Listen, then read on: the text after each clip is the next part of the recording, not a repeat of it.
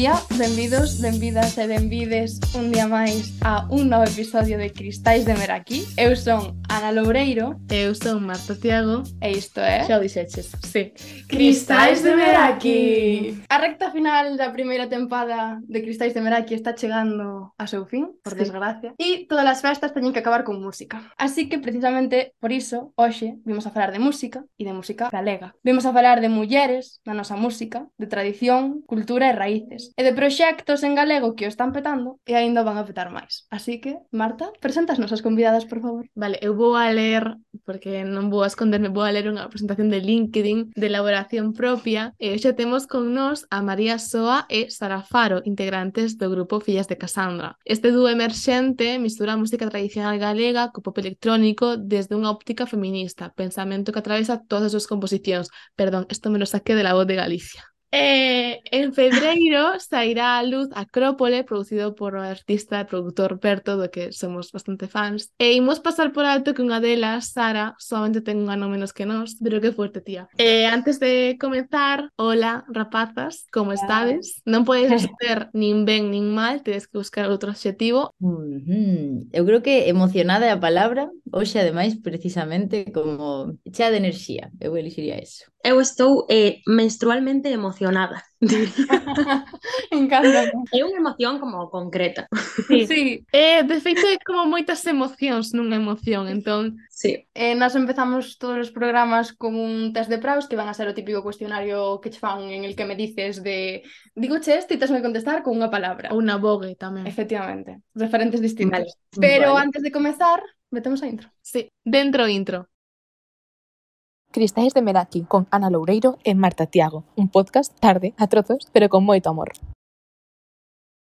Ahora sí, se tiverades que escoller unha canción favorita? Que complicado, eh? Ademais, agora que comecei, que teño tempo outra vez como escoitar moita música, e de repente como que ábrese aí un mundo moi complicado. Sara, tes cara de convencida, non? A ver.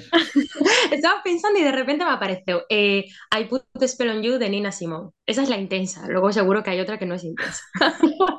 diría que agora mesmo meu amor de Leilía, que estou neso. Xa que empezamos por María, ahora empezamos por Sara. Eh, algo que vos inspire. Eu a choiva, creo. Eu, é moi prototípico, pero a miña nai me resulta moi inspiradora. Se o vosso futuro disco fora unha peli, que peli sería? Que guapa pregunta, ¿no? Guau. Algo moi ecléctico, eh? É que sabes que pasa? Que me incides película e me sale Matilda como por extensión sempre, sabes? Pero claro, obviamente non. que película sería? Que me sale como Hércules ou algo así porque todo vai de mitos clásicos, non? Como unha destas. Película non sabería dicir. Curioso é que non saiba como por en imaxes eh, o que eu describiría como o que fixemos nese disco. É que me sería moito máis sinxelo describirte como un guión dunha película que faría con noso disco, pero algo que este feito, non? Que poidera relacionar, me, me é moi complicado. Que título le valería esa película que estades montando aí? Eu algo como de volta pola noite ou algo así. Un pouco scary, eh? pero sí, de volta pola noite, pero como, jolín, aquí están outra vez para darlle, ¿no? A outra visión, eu creo. Pero Sara, mira, si está estudiando dirección de teatro e todas estas cousas, é túa labor, por favor, Sara, poñerlle un título a isto. É que, sabes que me sae? Sáeme o título do libro do que saquei a palabra Cassandra, que se chamaba Las caricias del fuego, e, e me sae como ese título, pero xa é un título dun libro, dai saiu a palabra Cassandra, fillas, eh, aportación de María, e me sae iso, Las caricias del fuego. Eh, se tiveras que elegir un mito grego, en plan, o que máis vos gusta ou que primeiro que pensedes cando pensades en mitoloxía grega, cal sería? Agora que coñecemos o de Eco, que de feito é un dos temas do disco, pois eh, o de Eco, sen dúbida. Non sei se coñecedes, pero vamos, podo contalo usar. Eh, pois estaba Hera, non? Que era a parella ou que sexa de Zeus, eh, como coñece a Eco, non? Se supón que non sabemos se xa coñecía ou non, pero se poñen a falar un montón e Eco como que fala un montonazo. E mentres, pois Zeus aproveita isto para mm, pois acostarse con outras mulleres e ir por aí, non? Entón isto a Hera lle causa como furia e o que fai non é castigar a Zeus, senón castigar a Eco por falar demasiado entre tela, non? Entón o que fixo foi como condenala a repetir sempre as últimas palabras mm, da xente que está que ten diante, non? Entón Eco como que, claro, volve volvese tola, non? Sobre todo intentando tamén namorar a quen era a Sara. A Narciso. Entón, claro, pois decide irse a unha cova a repetir esas últimas palabras e demais, entón por eso se dice que cando ti entras nunha cova a que te responde é eco, é ela, non? O sea, é así. Entón, pois bueno, pareceme moi chulo, porque como algo que leva toda a vida dentro de nós, non? Como ir a ese sitio, e gritar, e que te responde tal, de repente poñerlle nome e historia é moi bonito. Que chulo. Lamentable que era non castigase a Zeus, que esa é un pouco a onda pola que levamos no disco, non? Como dicindo, joe, macho. Sara, ti escolles o mesmo mito ou contas nous outro? Eu escollería Cassandra, pero quizáis porque é o que co que comezamos foi o primeiro tema que compuxemos, o que lle dá nome ao proxecto. Eu creo que escollería Cassandra, a verdad, neste momento. Pois pues dalle aí, que fixo Cassandra, o que lle pasou? Ah, vale, queredes saber que claro. conto? Bueno, pois o mito de Casandra conta que Casandra eh, o deus Apolo ofrécelle o don da profecía a cambio de, de que se acoste con el en reiteradas ocasións. Entón, en principio, Casandra acepta este pacto e lle dá como, o sea, e recibe o don, pero nun momento quere rompelo e Apolo, pois furioso porque non pode concebir que ela non se siga querendo acostar con el, castiga, pero en vez de retirar o don, que sería como o castigo pois máis predecible, eh, castiga pois precisamente condenando a, a predecir o futuro eternamente, pero nunca ser crida por ninguén. Hai historias que din que Cassandra remata aí pechada nunha torre por tola e, e bueno, e nós nos sentíamos como moi recoñecidas no? nese constante cuestionamento que nos someten as mulleres de nunca creernos eh, cando estamos contando as cousas que nos pasan e eu me sinto, pues, non sei, moi hermanada con Cassandra a pesar de que eh, nos chamemos fillas de Cassandra, pero moi hermanada. E tuvieras que elegir un xénero musical, cal vos definiría? Eu creo que folk irlandés. Que concreto. Varía. Eu creo que o rhythm and blues. Agora, xa que estamos describindo cousas, describidos a vos mesmas nunha palabra. Como conxunto, non? Imagino. Pois eu creo que atrevidas. O sea, como... a ver, claro, non en plan, sí, somos super atrevidas, non, pero realmente como que vivimos un montón de situacións de dicir, veña, quero cantar isto, quero lanzarme a facer isto novo e ademais, mañá temos un concerto, pois o facemos, eh, facémolo. Eso está super chulo compartilo con el. Diría eh, diría inocente, pero inocente nun bo sentido, eh, no sentido de que nos emocionamos moi facilmente por todo o que nos está ocorrendo. O sea, están como pasando tantas cousas boas tan seguidas que María como me chama por teléfono a calquera hora e me dice como Sara, tú viste lo que acaba de pasar? Ainda que eu estea recibindo tamén no meu móvil, me chama como solamente para comentalo entre as dúas e emocionarnos máis. E, e eu creo que sí, diría iso, como, como inocentes, como iso, moi emocionais, moi sentidas. Son tres palabras.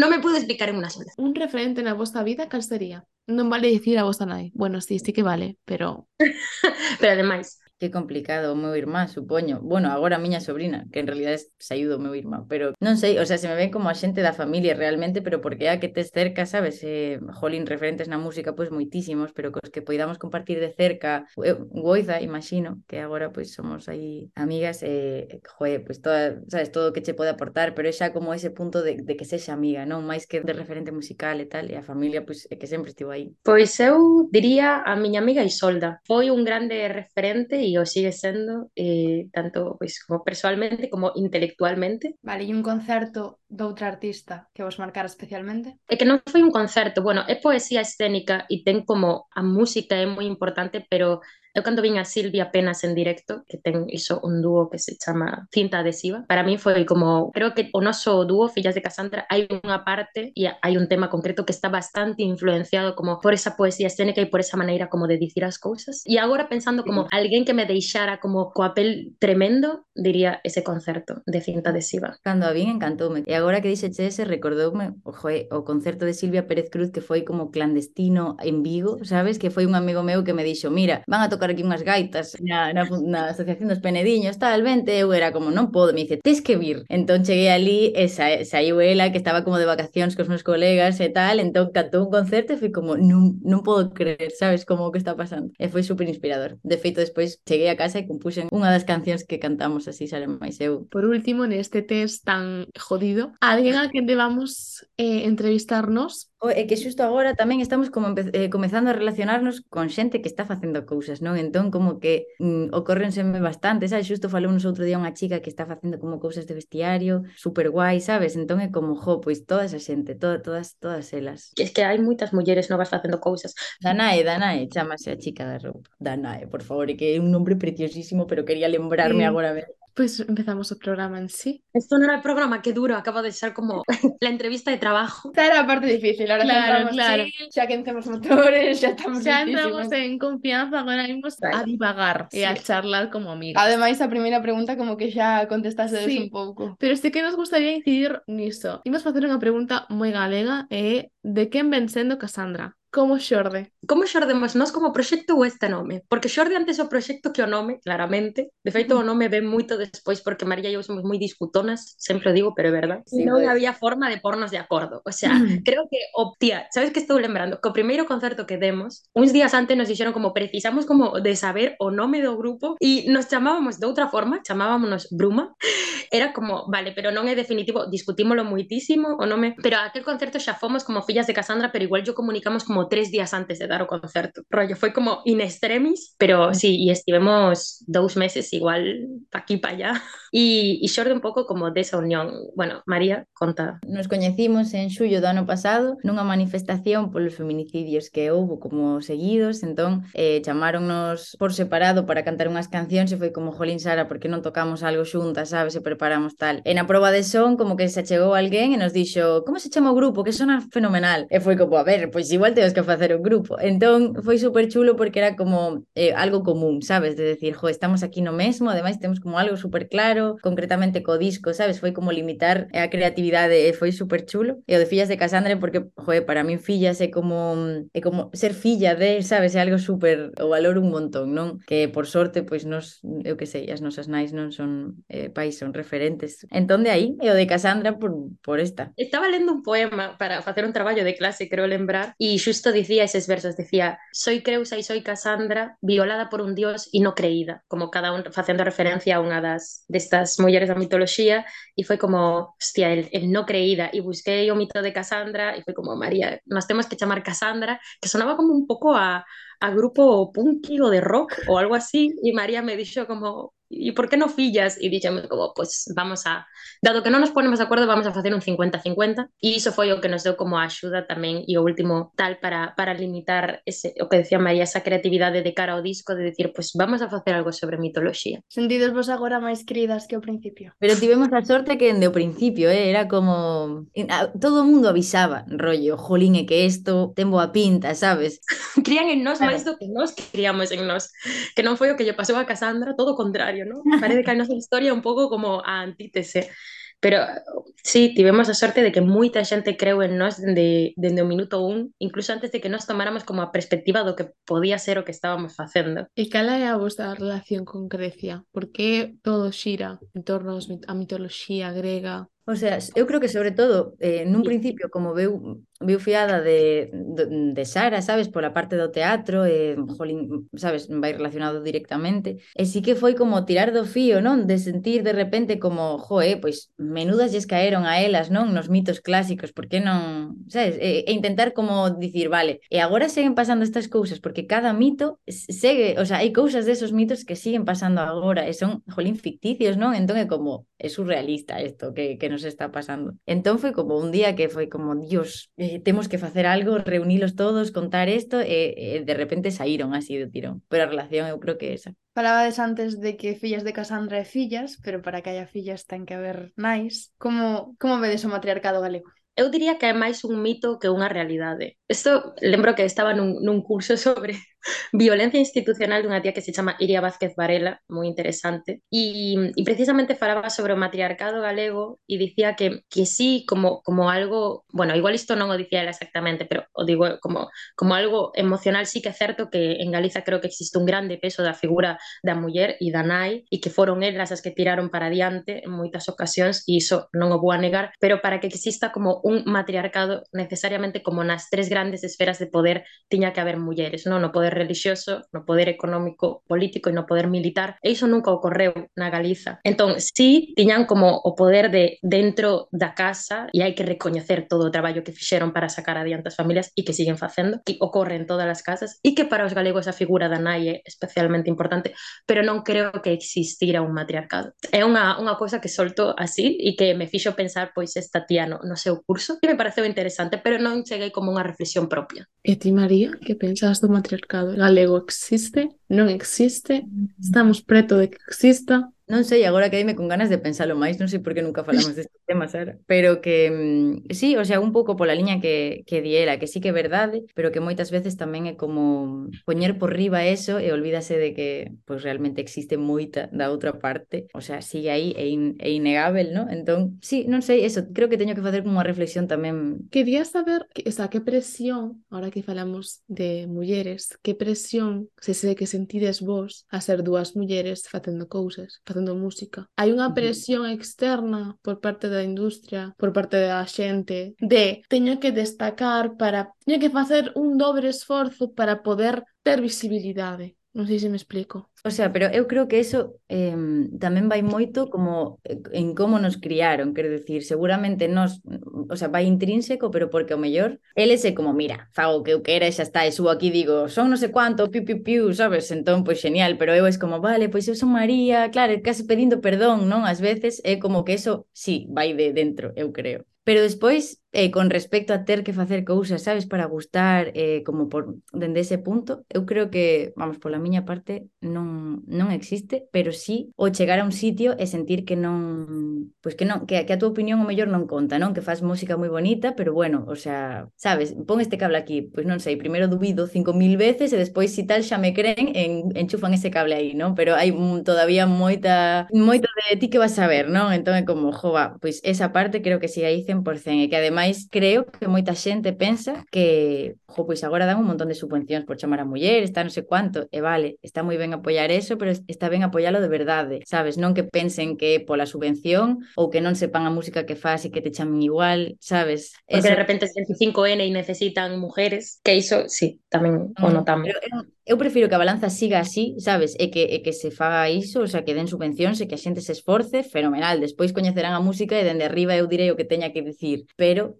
reivindicaría eso, non? Como que dende todas as persoas que existira eso de verdade, que se den conta de que somos igual de válidas, o sea, solo faltaba, sabes? Que sí, que coincido con Mariano de que hai unha parte que, que obviamente ven por esa socialización femenina de, de constantemente cuestionarnos e sentirnos como impostoras. Eu creo que non hai nada máis claro que é que nos tardamos en querernos como como que isto non que podía sair adiante, pero eu, ou eu personalmente sí que tardía en creerme como todo o bo que nos estaba que nos estaba como pasando e era como, ui, e antes creu xente de fora, e eu sempre digo no camiño atopamos homes maravillosos que creron en nós, dende Berto como produtor, a Santi como videógrafo, o, o noso manager a Manu, o sea, fomos atopando moitos homes que que apoiaron o proxecto e que ás veces creron no noso proxecto antes que a nós. O sea, máis que creron máis que nós, é que mm. simplemente como que nos pasou e non, non o valorábamos, sabes? sabes? Porque eu sí que mm. pensaba, o sea, cando nos dicían, oídes petar, eu no fondo pensaba, pois seguramente, verdade? Porque a mí me flipa o que están facendo. O sea, senón non o faría, non? Chego, hai un punto de aí de, mm. de isto. En que momento empezades a creer no proxecto? O sea,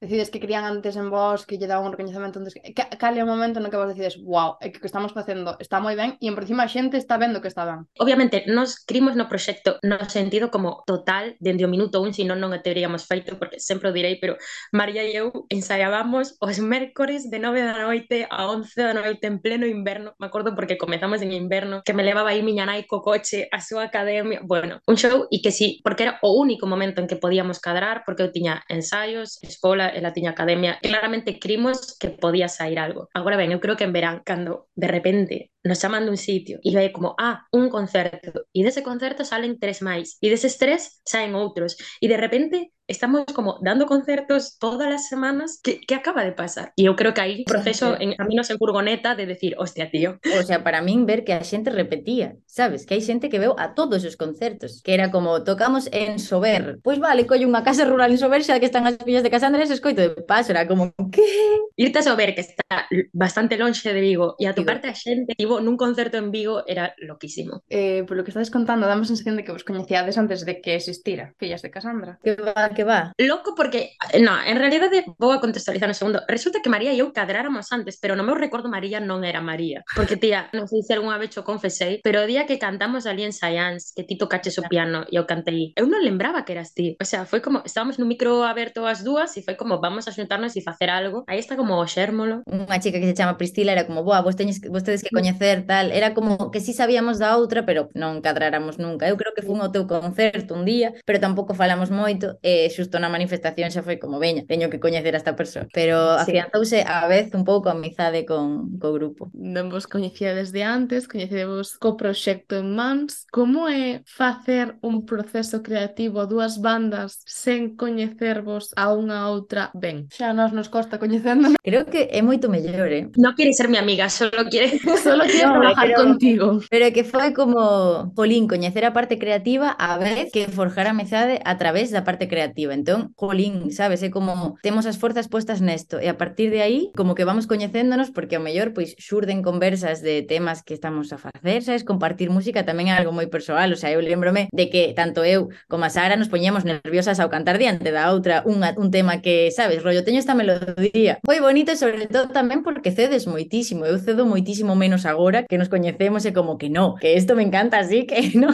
E antes era como todo me parecía ben, non? Era como calquer proposta chulísima eh, para diante e ao final así saíron cancións como churros ao principio e agora tamén, pero xa profundizan noutras cousas. Sí, eu creo que tamén te obriga como a coidar máis o vínculo, quero dicir, porque un día escoitaba un podcast que precisamente falaba de que as relacións de amizade que ao mesmo tempo son como de traballo ou profesionais son complicadas porque María e eu, por moito que nos poidamos enfadar como amigas unha noite que saíamos de festa, a semana seguinte igual temos catro reunións, unha grabación do disco, dous concertos, entón non podemos estar enfadadas. Es así, o sea, podemos, pero hai que como sobrepasalo e algunha vez dimos algún concerto enfadadas Unha vez. E las dos sabemos cuáles. É interesante ver como inda así, en riba do escenario seguía funcionando porque a parte creativa, a nosa conexión é moi forte e inclusive está por riba de diferencias persoais que poidamos ter e aí en riba nos seguimos entendendo e na que logo abaixo nos quixéramos matar. Foi como tamén aprender, no, doblemente pois a, a coñecer unha persoa e a coñecela tamén nun plano tan complicado pois de ceder, non ceder como pode ser o traballo e o que a xente vai a ver de nós, porque non é solamente a nosa relación o que nós vamos a ver de nós, sino que do que saia desa relación o vai a ver o res. Bueno, ao principio non tiñamos como moito esta consciencia, pero agora que estamos sacando os temas é como,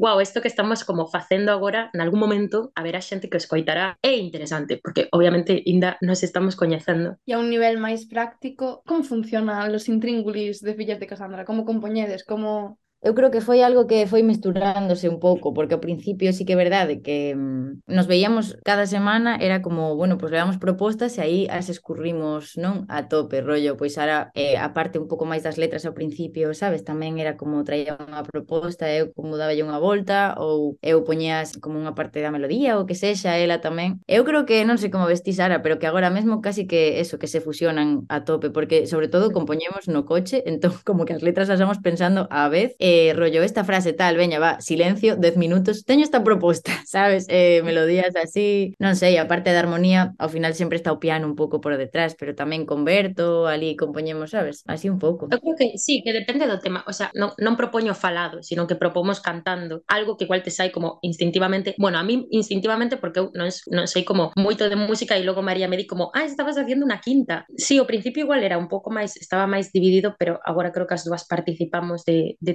todas as partes e efectivamente hai temas que acabamos de construir directamente xa no estudo, converto. Creo que cada vez tamén, como estamos máis seguras do noso traballo, tamén estamos máis abertas a que outra xente escoite os nosos temas. Antes de sair escoitounos moita xente que nos deu como a súa opinión ou puntos que mudaría e a partir de aí María e eu debatimos sobre que queremos deixar, que non. En Fillas de Casandra estamos nolas dúas, pero logo tamén nos gusta ter en conta como as voces de fora e os ouvidos de fora tamén. E agora imos falar da música en vivo porque vos visitedes no verán pasado moitos concertos. Un deles nun sitio que me parece precioso que é o Terraceo de Vigo. En plan, pareceme que cando, das, cando está a posta de sol pareceme un sitio precioso. Me gustaríame saber como é, porque vos publicades o, o disco en febreiro. Como sí, é ese proceso de presentar un proxecto sen ter un disco físico co que agarrarse? E tamén moito mellor, porque ao final a xente fiouse moitísimo, sabes? Era como, vale, si sí, estas chicas me dixeron que tocan guai, veña, pois as contratamos ou lles chamamos para facer o que sexa, imos e despois es como, ostras, sí, pois eran boas. O sea, o sea bueno, digo, bueno, sí, digo, punto. Claro, era como por a proba o proxecto, ¿no? porque chegábamos a un sitio, comezábamos un tema que ninguén coñecía e de repente e a xente o estaba como cantando. E era impresionante para nós. Como foi ah. o terraceo?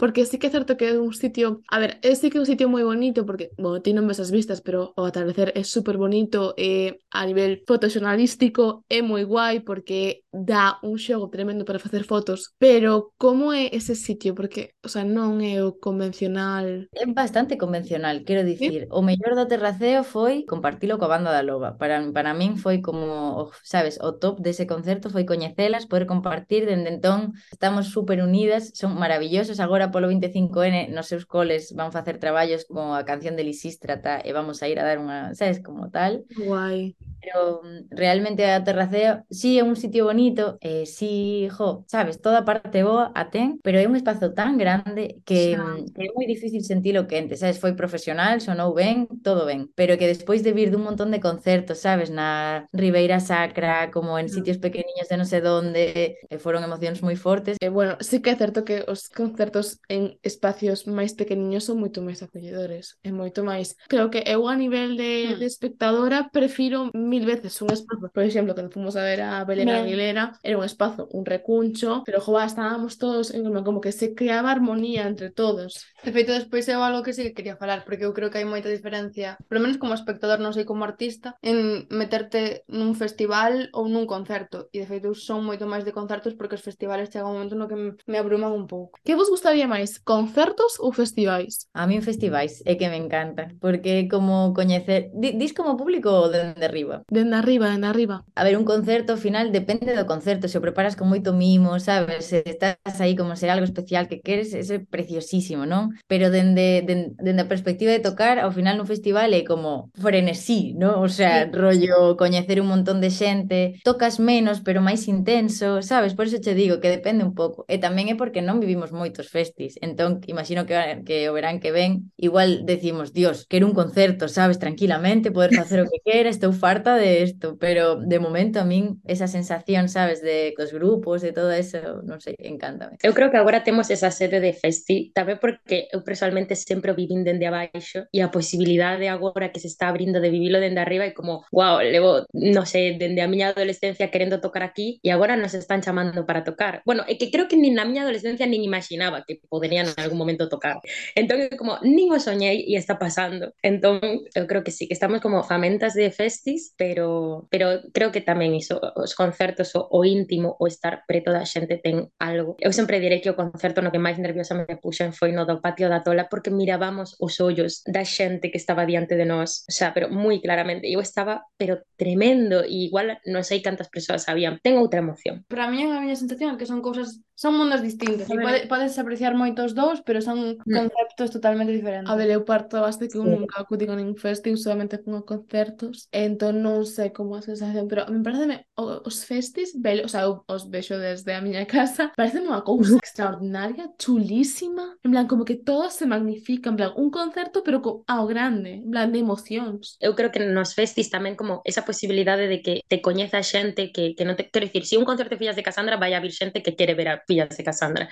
Pero nun festi a veces te cadra, bueno, a veces non sempre, que non coñeces a moitos dos artistas, pero vas porque estás no festi e é como a experiencia e pois pues, tes a sorte de coñecer outros grupos que creo que a xente está como moi aberta a coñecer nova música e eu creo que tamén como ante esa posibilidade é guai, ¿no? Que igual veñan a ver o seguinte, pero se atopen con nosco e digan como, ala. E que ademais vos tamén facendo festis tamén, o sea, que falábamos antes, tedes a oportunidade de coñecer aos artistas que van aos festis, de conversar e de tamén de, de, de aprender, no, de simplemente mm, choques de cultura, en plan, tu música, tu música, que tal, bien, Tam, o sea, tampouco estivemos en moitos, eh, quero dicir. De feito, estaba pensando agora, bueno, no Millo Verde, así, pero, sabes, cando fixemos outro día tamén no Náutico de San Vicente, que coñecimos, pois, pues, eso, a Grande Amore, eh, toda esta xente, é moi guai. E sí que, joder, convivir con, con todos eles, sabes, pois pues foi foi super chulo. Pero, bueno, este ano, eu creo que isto, que este verán. Fora dos festivais, como son como son as sinerxias que se crean entre os artistas, sobre todo os artistas da música en galego, porque ao final da, dende fora, dá a sensación de que hai como unha dinámica entre os artistas de, de colaboración ou cooperación, pelo menos o que se percibe dende fora. Pode ser, pero sí que é verdade que tamén hai círculos que están bastante pechados, quero dicir, pero casi sin querer eu imagino, non? Porque nós ao final aquí en Vigo pois coñecemos, sabes, a colegas, e joe, ao final sí que faz un círculo sin querer, agora con Berto, pois toda a xente que produce Berto, sabes, ao final tamén como que nos estamos reunindo, creando tamén como isto, pero bueno, eu creo que sí, que como que toda a xente está pola labor, joe, de facer cousas xuntes, a min eso me parece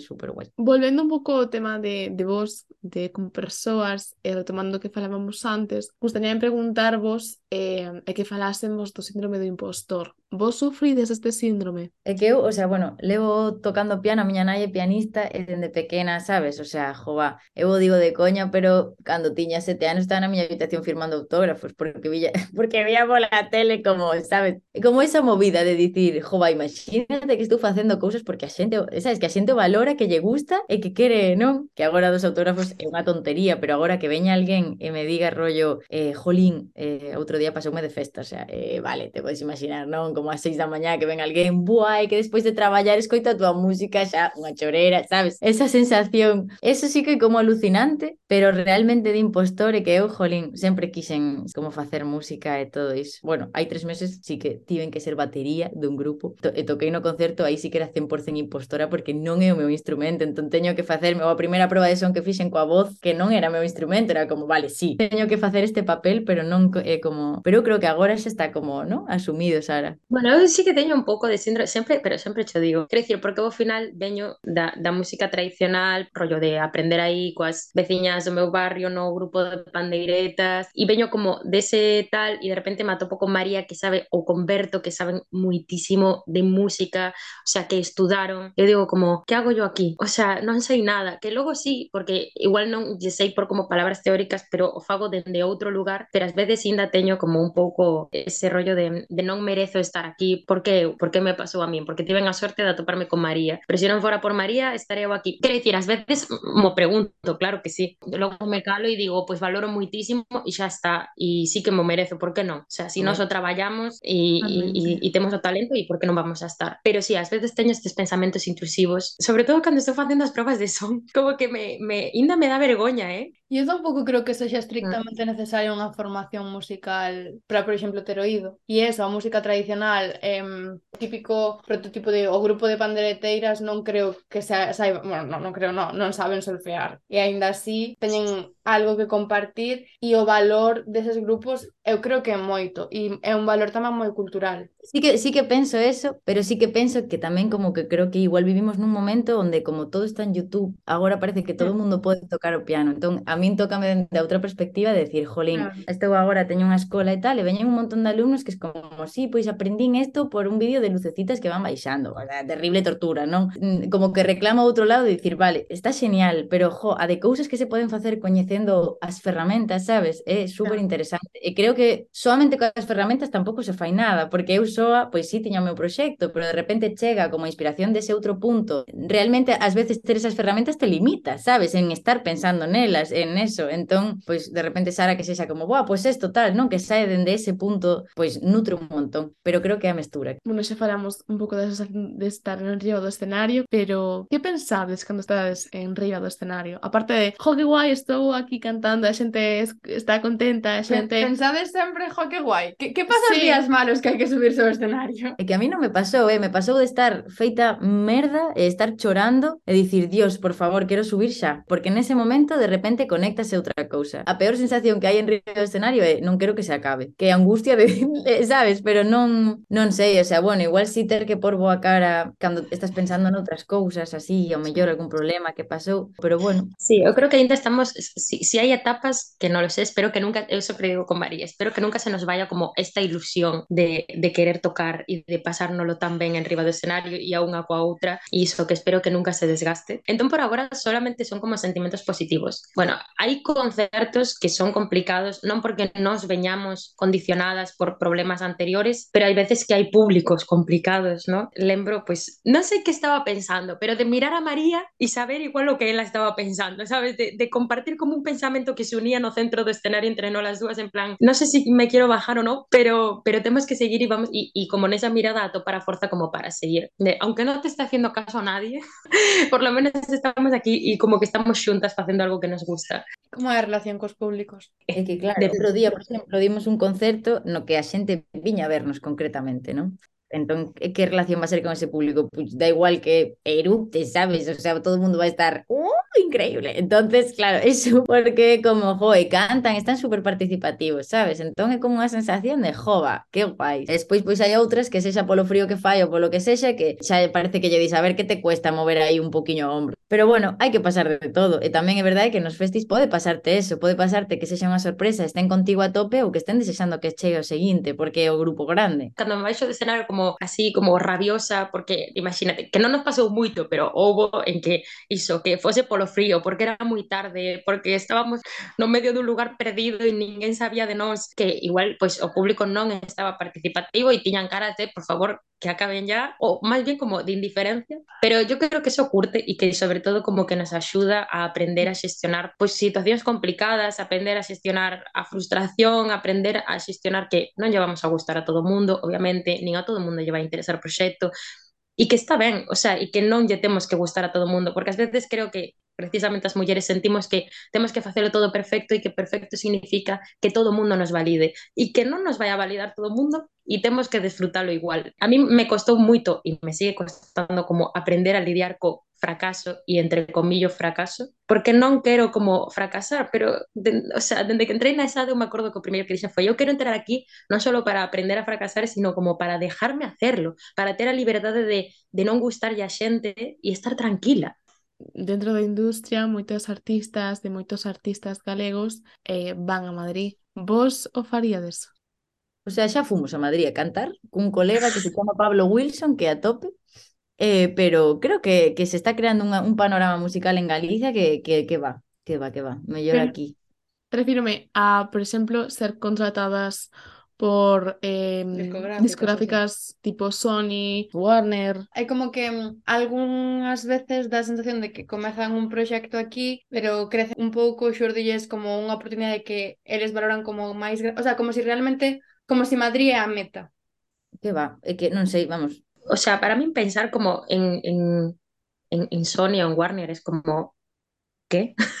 o sea, eh, me parece como impensable, pero quiero decir, para min Madrid nunca será a meta, o sea, non sei cal é a meta, si que acaso temos, pero eu estou ben aquí en Galiza, iso non quer dicir que non me encantaría que uh -huh. puidéramos como xirar por fora de Galiza porque me parece que sería contraproducente porque que mellor que, que precisamente co galego cruce a fronteira como claro. xa o está facendo, quer dicir as Xogueiras están tocando fora, pero Grande Amore tamén está tocando fora, eh, Ortiga toca fora de Galiza, o sea, pode pasar, Berto Fixo tamén, sí. Mm, pero pero non sei, creo que, que as oportunidades para telas en Galiza hai que crealas tamén e que as estamos creando. E para crealas hai que fornecer pois a industria cultural galega de artistas que, que, que o peten. Entón, pois, no, eu non, non creo que, que, que me iría. Como está a industria cultural galega? Eu creo que en auxe, o sea, moitas veces eh, eu creo que sí que non sei, que se pode pensar rollo que por moda, sabes? Isto que face, como facer música en galego está de moda e tal.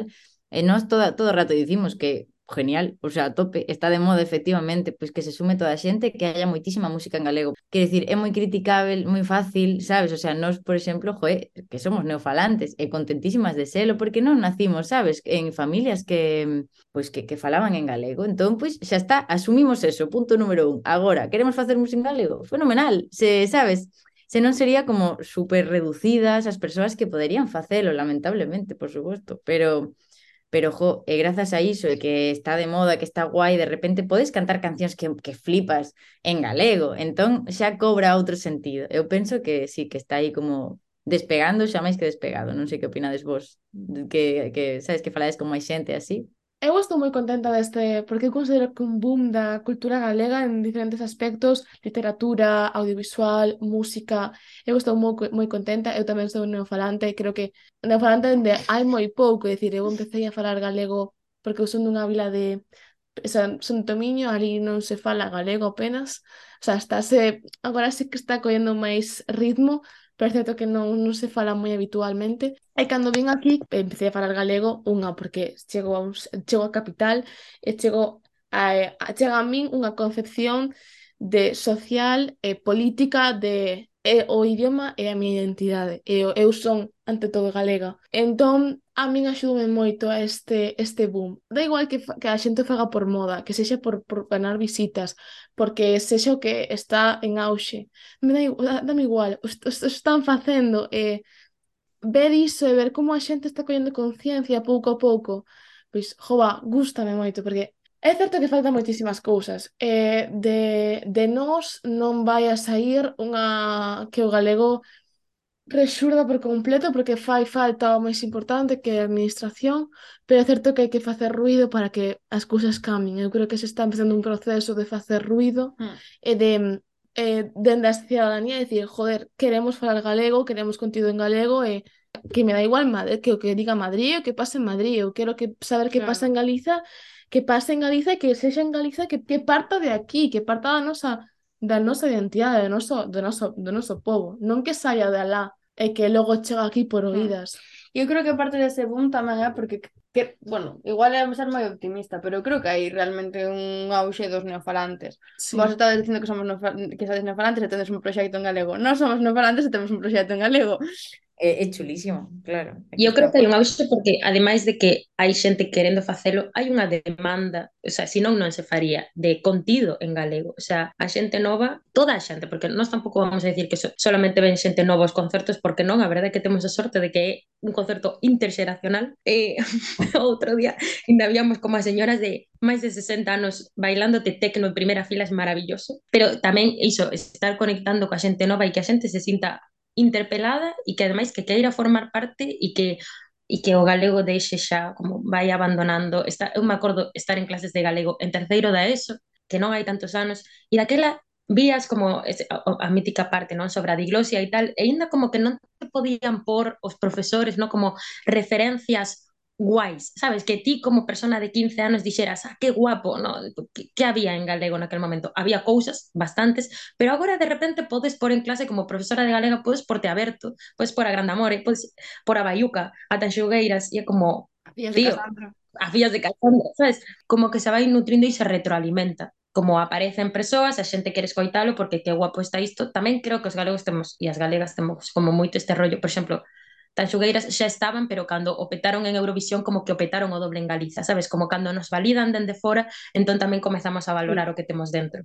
Creo que ainda temos como ese complexo como povo de non valorar o que está pasando aquí e están pasando moitas cousas. Sí que, sí que é certo que dende aquí ponen, o sea, como dicía antes co síndrome de impostor, que creo que tamén eh, aquí buscamos moito a validación externa eu creo que ven un pouco da, do sentimento de... Inferioridade. De, de, ca, de can apaleado, quero dicir. Somos un, un povo bastante mante a todo en xeral, entón que digan Está sendo genial, seguid así, eh? Vades por bo camiño, molades moitísimo, como, ai, pois pues sí, sí que molamos, pois pues veña, vaimos a facelo.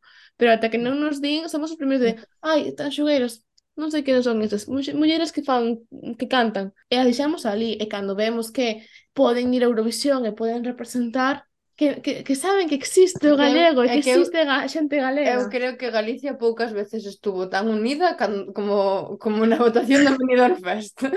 E tan sí, enfadada sí. despois da votación do Benidorm Fest. Vale, pois pues, a última pregunta é para acabar o programa. É se credes que a música pode ser un arma política, un arma social? Pois non sei se, si, lo siento, voy a ser horrible, pero sí diría arma, porque non quero pensar como a música como algo violento, pero sí diría que é unha ferramenta de transformación política e social e creo que iso está moito na base do noso proxecto. O sea, nós cremos que a través da música cremos e sabemos, porque o temos experienciado que sí que pode transformar o pensamento e que o pensamento construe a realidade, a linguaxe construe a realidade e estamos nese, nese camiño. O sea, tamén por iso revisar historias antigas para contar historias novas. Sí, o sea, estou de acordo nunha parte, pero creo que tamén serían capaces o mellor de estar cantando as nosas cancións en primeira fila chegar a casa a pegarlle a súa moza. Quero dicir, dentro do, mm, do máximo cruel, mm. pero que as veces a música, por moita intención que, que ti lle poñas, despois se pode coller, se pode transformar con outra intención ou se pode pode coitar simplemente porque é así, é simplemente isto, o sea, é como unha queja que en realidade, o sea, 100% o que dixo Sara, e por eso estamos facendo o que estamos facendo, senón diríamos la, la, la todo o rato, pero sí que hai certo punto que penso que, que jo, que molaría unha consciencia das letras, sabes, como maior, e de dicir, jo, sabes que estamos aí desgarrándonos cunha intención moi clara. Así que, bueno, un pouco iso. Pois deixamos con esta mensaxe o final do penúltimo capítulo da tempada. Moitísimas grazas a María e a Sara por vir A escoitar moita música e a escoitar as letras. Aí, aí, aí. e a escoitar as fillas de Cassandra, que en febreiro sacan disco, febreiro, mes de acuario, mes del cumple de la señora, así que Genial. Pues muchas Qué guay. Muchos biquiños. biquiños, Un placer. Eu que di, o sea, estou moi contenta, pero porque, en plan, non sei, aparte faime, faime ilusión que sexan as primeiras convidadas que, en plan, veñan en dupla galáctica. Sí, a verdad que levamos moi ben, para que logo digan que é super complicado levar entrevistas eh, duplas, eu creo que non, que fixeron tamén moi fácil elas, estou moi contenta ata, um, ata dentro de dúas semanas. Ata dentro de dúas semanas. Que ya nos vamos, tías. Que, sei que nos ibas a votar de menos, pero que nós tamén nos ibas a votar muchísimo de menos. A mí vai ser facer moi raro non, non gravar. Eh, para o último programa temos pensado con unha unidade de cero seguidores, é broma, seguro que hai xente que nos escoita. De feito, eu teño que dicir que é unha persoa super fan. Avancio se me escoitas, moitísimas grazas porque foches a primeira persoa que mandou unha mensaxe tan bonita. Nuestro xo, primer fan. Xoroche que chorei moitísimo cando me escribiches e sei que creo, creo que é moi fan de Rafa, así que eh, tes o meu corazón engañado, esperamos verte non eres unha muller que fai cousas, pero sí que queremos coñecerte. Sí Faremos que... algún especial en algún sí. momento de aliados. Bueno, continuo con que estaba dicindo. Temos Instagram e temos, Twitter. Temos Instagram, temos Twitter. Eu estuve planteando de facer TikTok porque Ay, eu son, son unha that girl e creo que estaría super guai crear contido, que ser unha muller que crea contido. Non creo que vaya a facer. O sea, as cousas como son. Para a segunda tempada. Para a segunda tempada. O que iba a decir, temos Twitter, pero imos usar a canle de Instagram. Mal nos vendemos. Imos facer un especial de despedida, queremos facer un Q&A, un questions and answers, unhas preguntas e respostas. Porque somos That girl. Sí, sabedes que fai falta para un preguntas e respostas. Preguntas. Por lo tanto, deixaremos unha caixiña cando saia este capítulo para que deixedes as vosas preguntas. Eu, pola miña conta, mandarei polos grupos que teño no WhatsApp para que me manden preguntas, porque senón igual non, o sea, non, non, non enchemos eh, 50 minutos. Pero fago che unha entrevista, non te rayes. Eu sou unha tía superinteresante. O sea, eu teño para contar, se me dei... Isto, que moitísimas grazas Veremos en el último capítulo dentro de dos semanas. Escucha de música en galego. Eh, de. Sí, de Cassandra. de Sí, así que nada. Escucha de música, en general. de música. Sí, sí. Vémonos. Y a, y a nos. O sea, escucha de nos a nos también. Nada, graciñas, chicos. Vémonos. Sed felices.